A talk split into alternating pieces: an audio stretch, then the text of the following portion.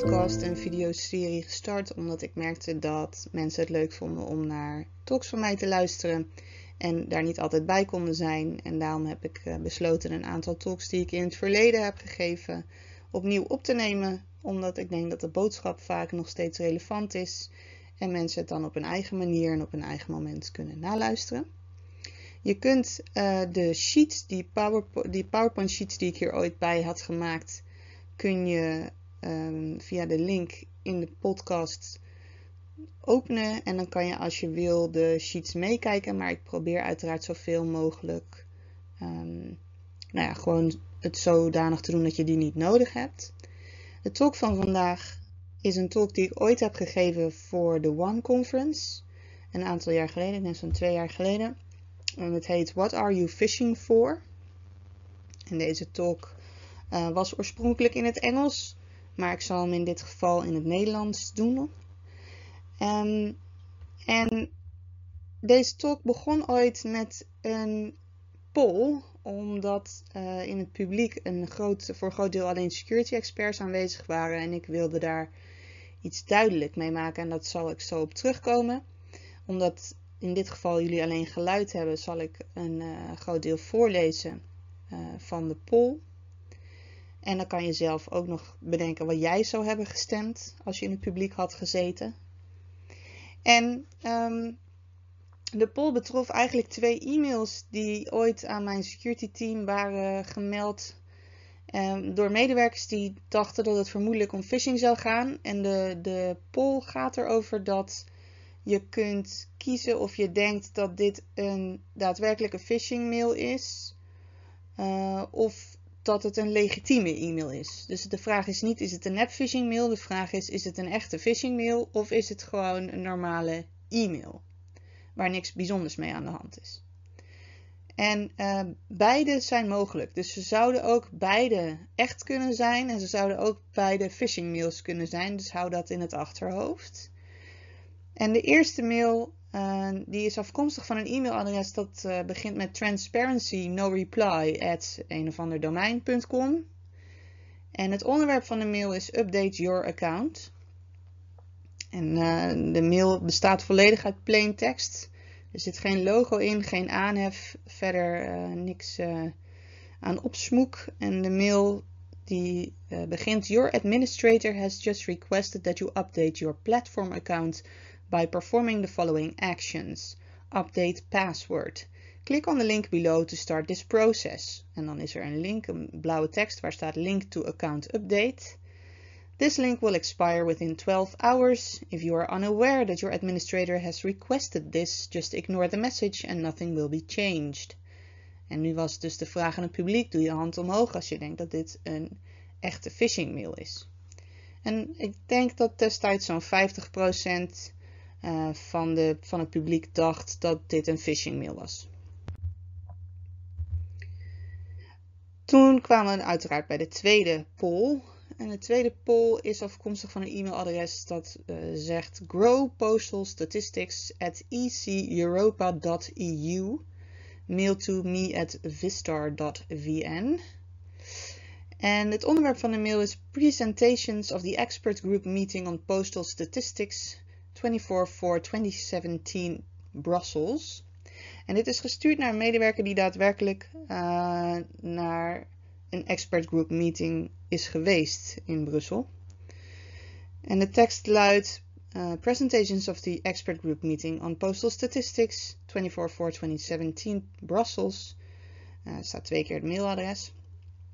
En dan staat er Dear members, We would like to thank you for your active participation during our expert meeting in Brussels. Please find herewith the presentations of that event. We take the liberty to send the presentations also to the member states that would not uh, that were not able to attend. Hopefully you can join us at the next meeting. Kind regards. Grow Postal Statistics European Commission met het logo van de Europese Commissie. En hier was weer dezelfde vraag.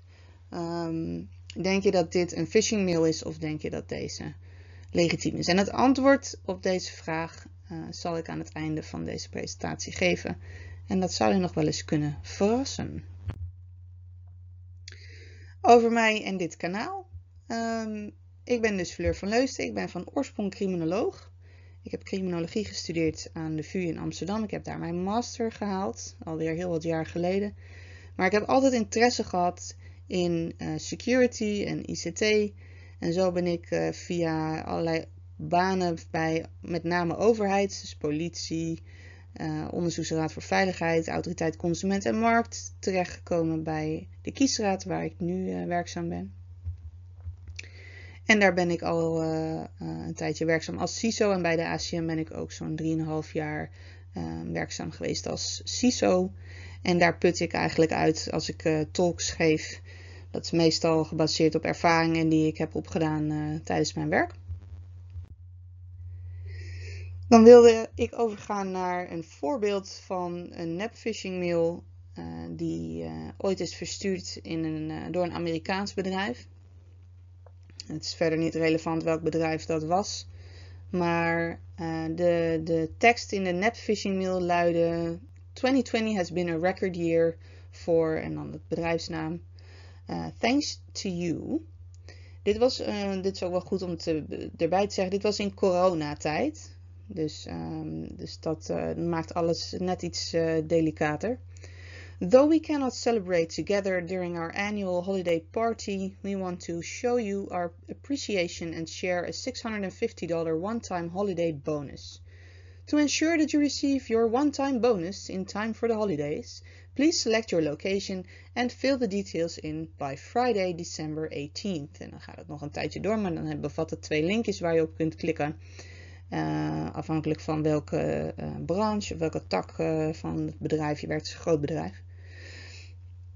En daar kan je dus allerlei gegevens invullen. Uh, en dat was dus een nep phishing mail. En als je die uh, had ingevuld, dan, uh, nou, dan wachtte jou een, een, niet zo welkome verrassing.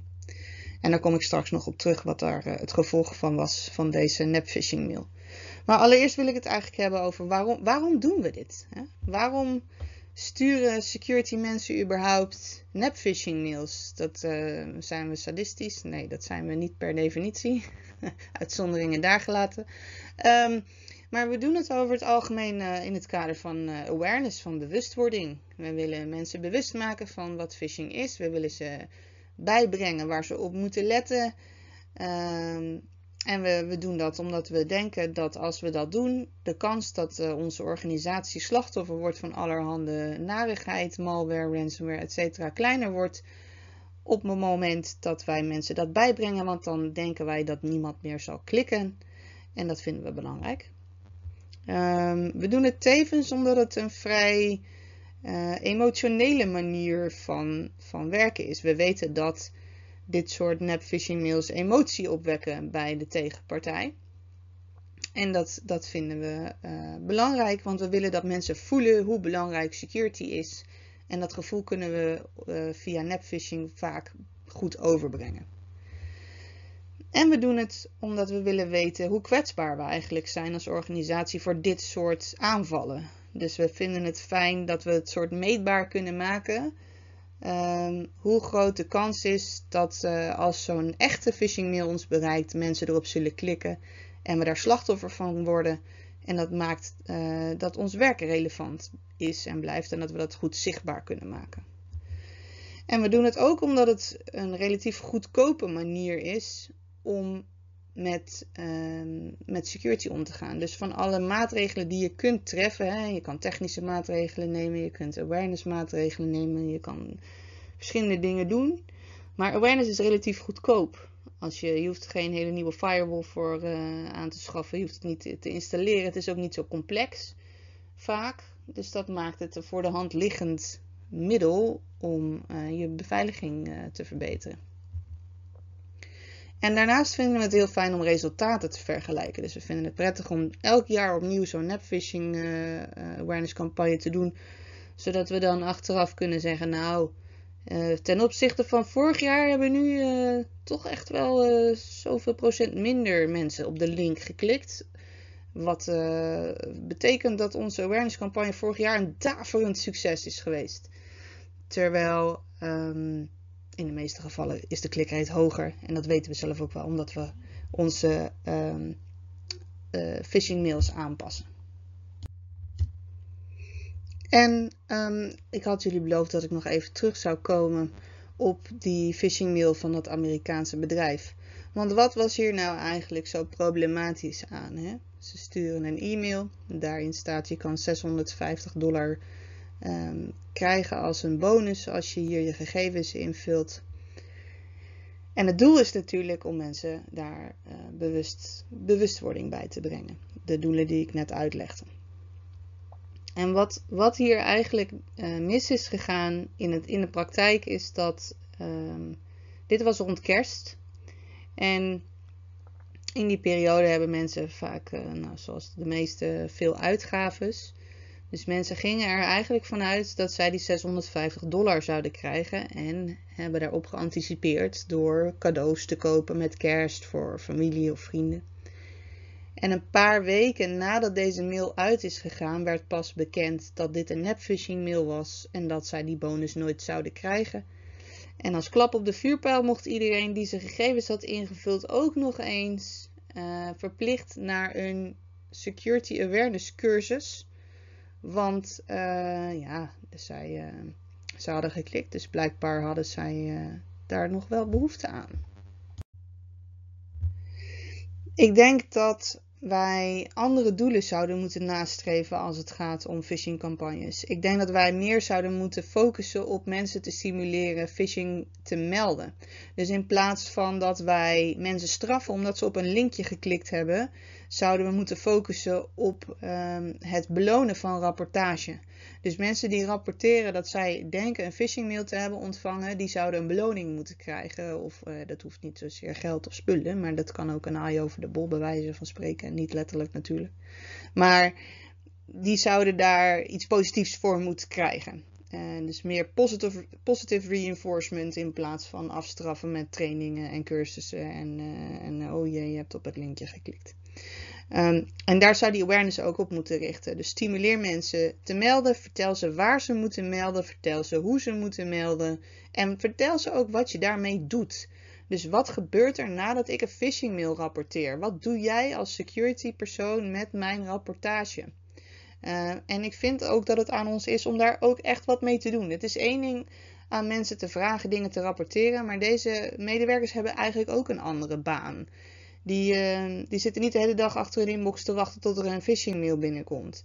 Dus het kost, ondanks dat wij denken het zijn twee klikjes, want ze hoeven het alleen maar te voorwoorden, kost het hun toch tijd. Meer tijd dan op gewoon delete te drukken. En voor ons kan het heel waardevol zijn. Daarnaast denk ik dat het belangrijk is dat we meer vertrouwen wekken bij medewerkers. En ik denk dat nepphishing mail sturen, uh, ja, dat, dat dat problematisch is als je doel is om vertrouwen te wekken. Ik kom daar straks nog op terug.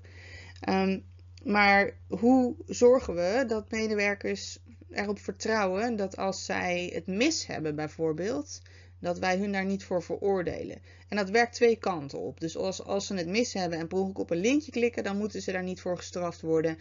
Um, maar als zij iets rapporteren wat achteraf blijkt dat het helemaal geen phishing is, dan moet dat ook oké zijn. En ik denk dat onze focus meer zou moeten liggen op preventie. Dus hoe voorkomen we nou als techneuten, als security, dat een phishing mail in de inbox terechtkomt van onze medewerkers? En dat, daar kan je die rapportages dus heel goed voor gebruiken. Want je kan proberen je filters aan te passen op basis van de phishing die jij binnen ziet komen via je rapportages bijvoorbeeld. Dus je zou meer technische maatregelen kunnen nemen ter preventie van dit soort mails. En ik denk dat het goed is om uh, voorbereid te zijn. Dus hoe zorg je er nou voor dat op het moment dat je ziet dat er echt een, phishing, een echte phishingcampagne aan de gang is, uh, dat die mails zo snel mogelijk uit mensen hun inbox verdwijnen, dat de linkjes worden gedisabled, dat je daar meer naar kijkt uh, vanuit security als het gaat om phishing en minder op uh, het klikken op linkjes voor, voorkomen. Want ik denk eigenlijk dat nepphishing mails tegen al deze dingen die ik net heb genoemd ingaan. Want je krijgt minder vertrouwen van je medewerkers. Want ze voelen zich te kijken gezet als ze een nep phishing mail krijgen en ze trappen erin. Mensen, net als bij echte phishing mails, mensen zijn druk, ze zitten niet op te letten. Daarnaast, uh, daar kom ik uh, straks nog over te spreken, zijn er een heleboel redenen waarom de dingen waarvan wij ze vertellen dat je daar phishing aan kan herkennen, dat dat niet zo hoeft te zijn. En ze kunnen zelfs bang zijn om gestraft te worden. Um, ze kunnen bang zijn dat hun manager een slechte beoordeling zal geven omdat ze uh, voor de phishingtest gefaald zijn. En het kan ook veel frustratie opwekken bij mensen, heb ik gemerkt. Want nu zijn ze tijd kwijt aan een saaie training waar ze eigenlijk helemaal niet op zaten te wachten. En je kan je ook afvragen in hoeverre zo'n training nou echt zoden aan de dijk zet. Want, en dat had ik gezegd, daar kwam ik nog op terug. Hoe vertellen wij nou aan mensen dat zij phishing kunnen herkennen? En dat is, wij vertellen ze op bijvoorbeeld dat ze moeten letten op vreemde afzenders.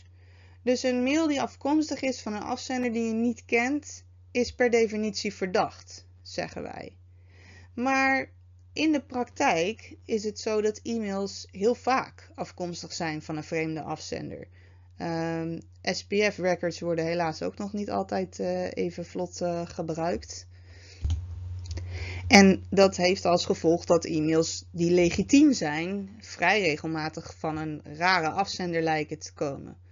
Dus het hoeft bij echt niet zo te zijn dat een e-mail van een vreemde afzender per definitie phishing is. Het, kan, het komt regelmatig voor dat het um, gebeurt terwijl het geen phishing is.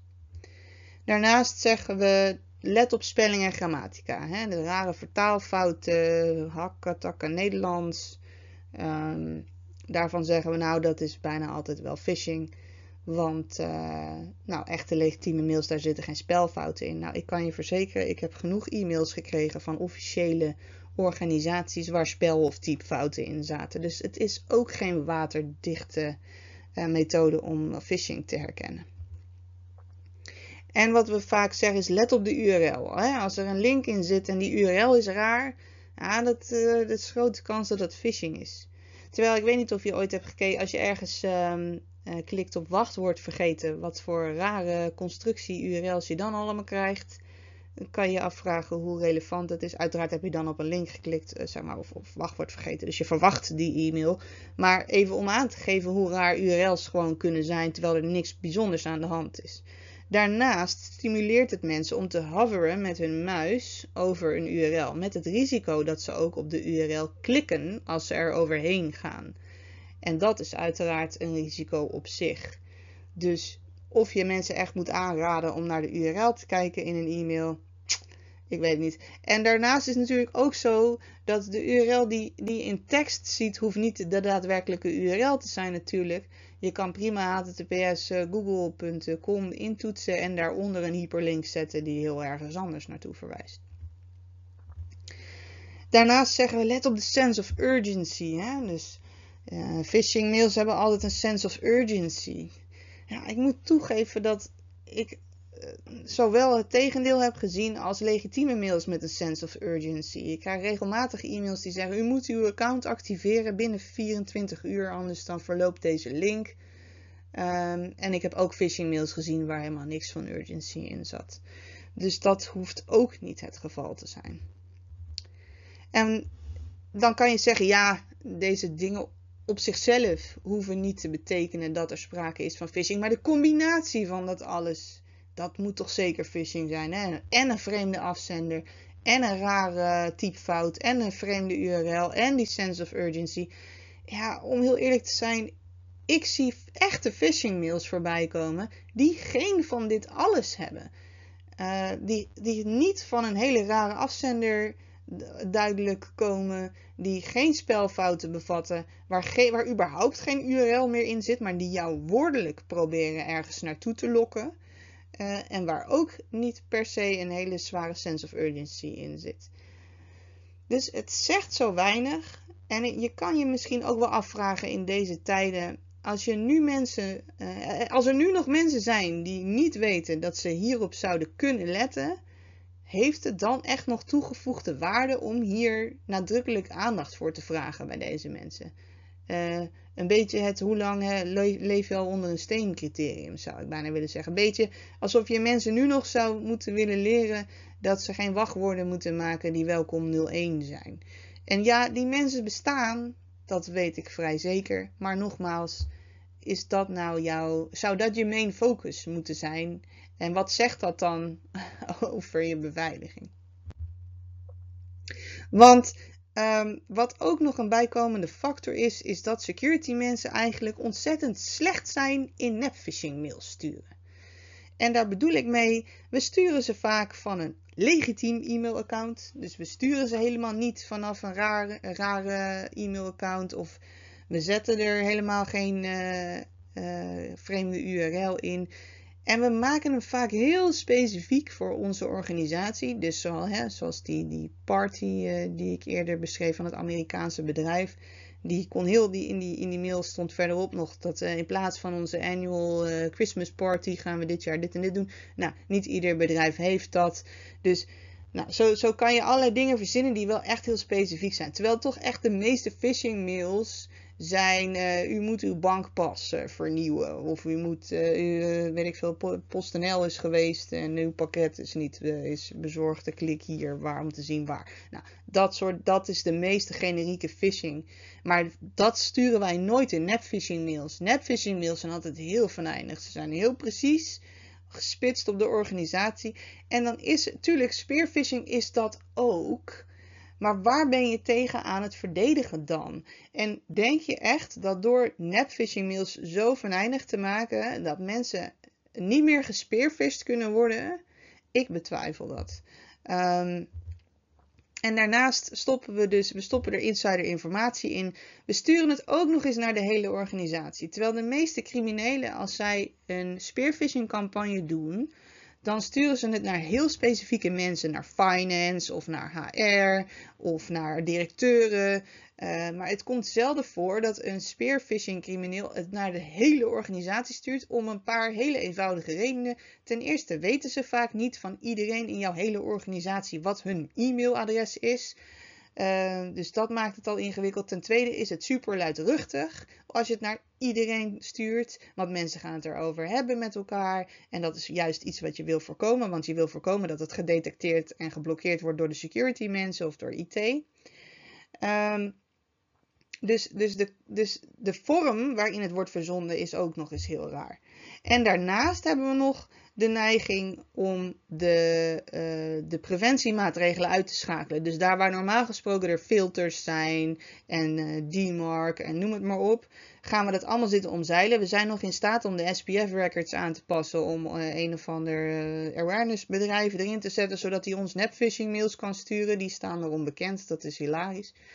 Um, maar dat, dat zijn allemaal dingen die we doen om nepphishing mails te sturen, maar die maken dat nepphishing mails niet meer representatief zijn voor de echte phishing. En dat, ja, dat is toch eigenlijk een beetje de boel voor de gek houden, denk ik.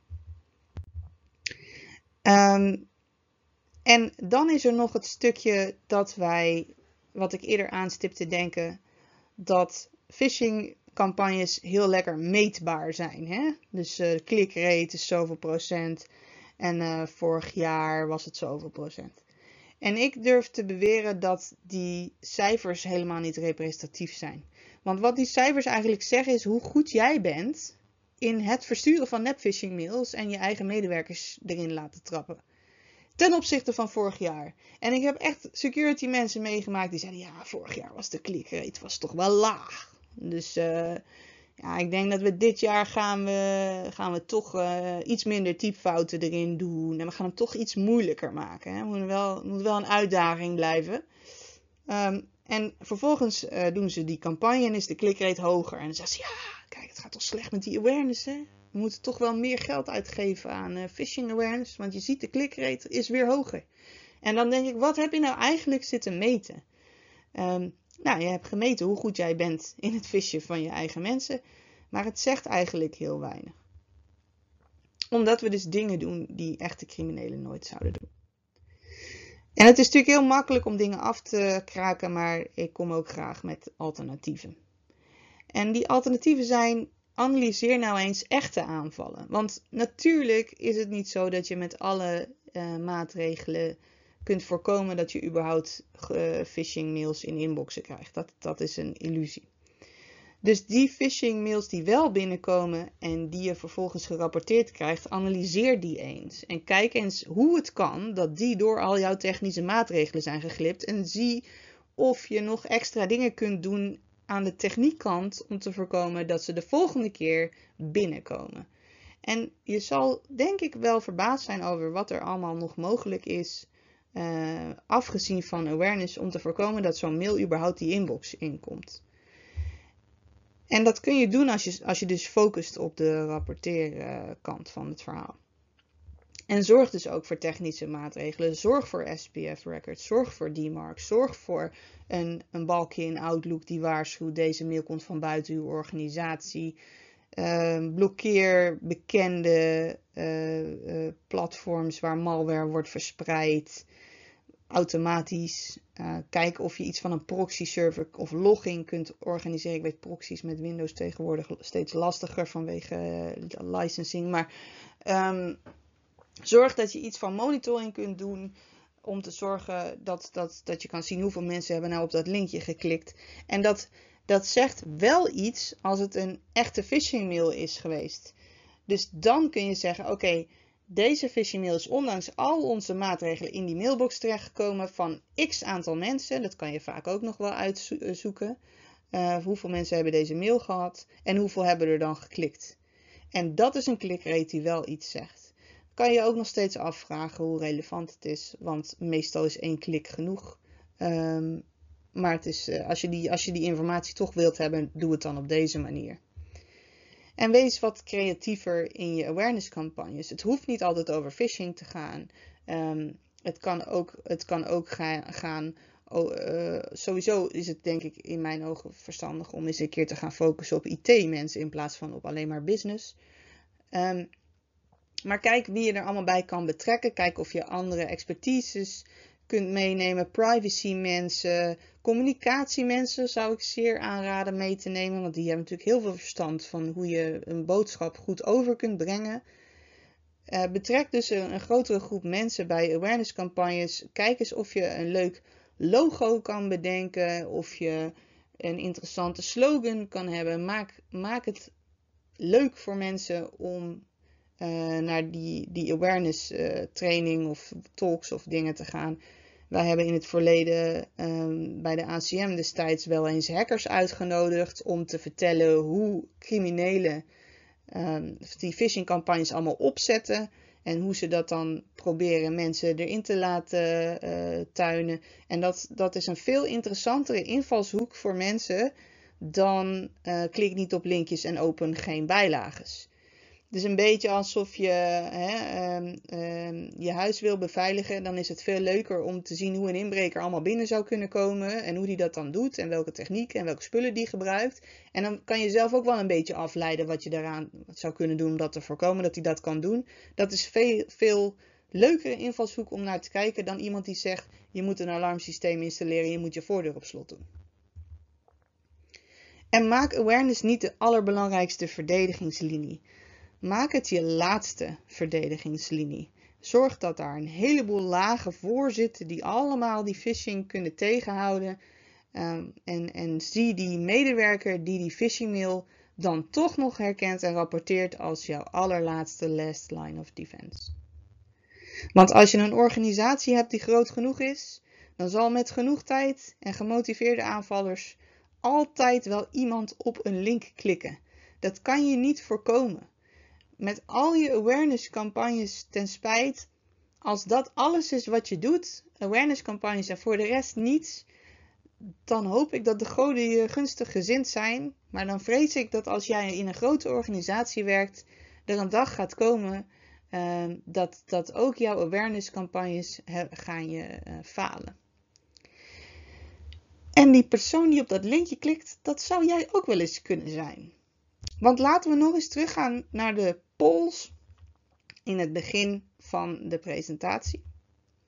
Um, zoals je weet, in het begin had ik uh, een, uh, een poll gedaan bij de One Conference. En de eerste poll was, uh, die, ik ga hem niet helemaal opnieuw voorlezen, maar het was een e-mail die kwam van transparency no reply at een. En die ging over je administrator heeft gezegd dat je iets moet updaten. Klik, hier, klik op dit linkje, blauwe tekst. En uh, de link is, het gaat binnen 12 uur verlopen. En toen vroeg ik aan die mensen, is dit een phishing mail of is dit een legitieme mail? En meer dan de helft van de mensen zei, dit, dit is wel een phishing mail. Hè? Er zit een linkje in, er zit geen opmaak, geen aanhef, niks. Dit is een phishing mail. Het echte antwoord is dat dit een legitieme e-mail was. Deze e-mail is verzonden. Ik, ik heb contact. Ik, want ik als security kon dit dus ook niet herkennen. Um, dus ik heb contact opgenomen met dat bedrijf. Ik heb gezegd: wij krijgen een e-mail van jullie. En meerdere medewerkers van ons hebben zo'n e-mail ontvangen. Komt deze echt bij jullie vandaan? En die zeiden: ja, dat klopt. We hebben dat inderdaad gedaan. En uh, sorry dat dat op phishing lijkt. Dat was niet de bedoeling. Maar uh, het is uh, legitiem. En dat maakt, uh, dat maakt het toch wel uh, heel, heel sprekend. Dat hè, wij zijn de experts en wij, wij denken, wij leren andere mensen phishing te herkennen, maar we hebben er zelf blijkbaar ook uh, soms moeite mee. En de tweede poll was de e-mail die van de Europese Commissie kwam naar een medewerker die bij een expertgroep was geweest. En dit is, ja, dit is niet echt phishing. Um, ik ga nu meteen het goede antwoord geven. Dit was niet echt phishing, het was Emotet malware. Er zat een bijlage bij en die bijlage bevatte malware. Um, en wat Emotet doet, ik weet niet of, uh, of je weet uh, hoe Emotet werkt, maar Emotet pakt een, een echt e-mailtje uit jouw inbox. En hij kijkt naar, hè, meestal dat het naar meerdere mensen is verstuurd. En dan uh, kijkt hij naar een mailtje die een bijlage heeft gehad. En dan vervangt hij de bijlage. Dus deze e-mail was ooit een legitieme e-mail. De tekst hiervan is geen phishing mail. Maar uh, uh, die Emotet malware heeft alleen dus de bijlage vervangen en hem gewoon geresend naar de oorspronkelijke ontvangers. En ik, was, ik vond het zo knap dat deze medewerker dit had gespot. Het is echt, dit, dit kan je in geen awareness campagne, kan je dit mensen leren. En de reden dat zij, was een zij, dat zij um, deze e-mail had geflagd en bij ons had gerapporteerd, is vanwege de datum. Want zij ontving deze e-mail op, in oktober 2020. En zoals ik ook in de poll voorlas, de, de expertgroep, de oorspronkelijke expertgroep had plaatsgevonden in 2017. Dat was drie jaar daarvoor. En zij zei, ja, dat is raar. Waarom zullen, zouden ze nu nog een keer die presentatie gaan sturen? Het is drie jaar geleden. Uh, dus dat, daar klopt hier iets niet. En toen heeft ze dat bij ons gerapporteerd. Nou, die vrouw hebben we helemaal in het zonnetje gezet natuurlijk. Um, was echt fantastisch. Dus, en ook hier had een groot deel van het publiek bij de One Conference het fout. Die zei, dit is een legitieme e-mail. Dit is geen, uh, zit geen narigheid bij. En dat was toch wel echt het geval. Dus als wij als experts het moeilijk vinden om blijkbaar te herkennen of een e-mail echt is of een phishing mail, hoe kunnen wij dan van onze collega's verwachten dat zij dat wel kunnen, terwijl dit niet hun core business is en wel die van ons? Dus ik hoop dat deze presentatie ervoor zorgt dat je dit jaar nog eens extra goed gaat nadenken over hoe je omgaat met je nepphishing mailcampagne en je awareness. En misschien eens overweegt om te kijken welke alternatieven zijn er eigenlijk en hoe werkt dat?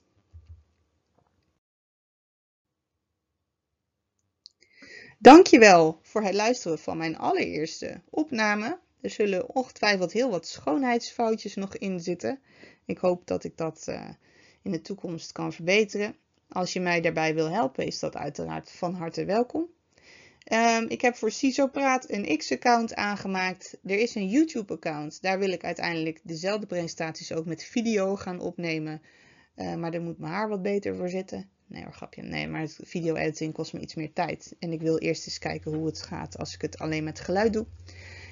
Um, verder heb ik een, een persoonlijk X-account. Dat is uh, queen op, uh, op X. En ik heb dit Spotify kanaal waar je uh, af en toe eens naar een praatje van mij kunt luisteren.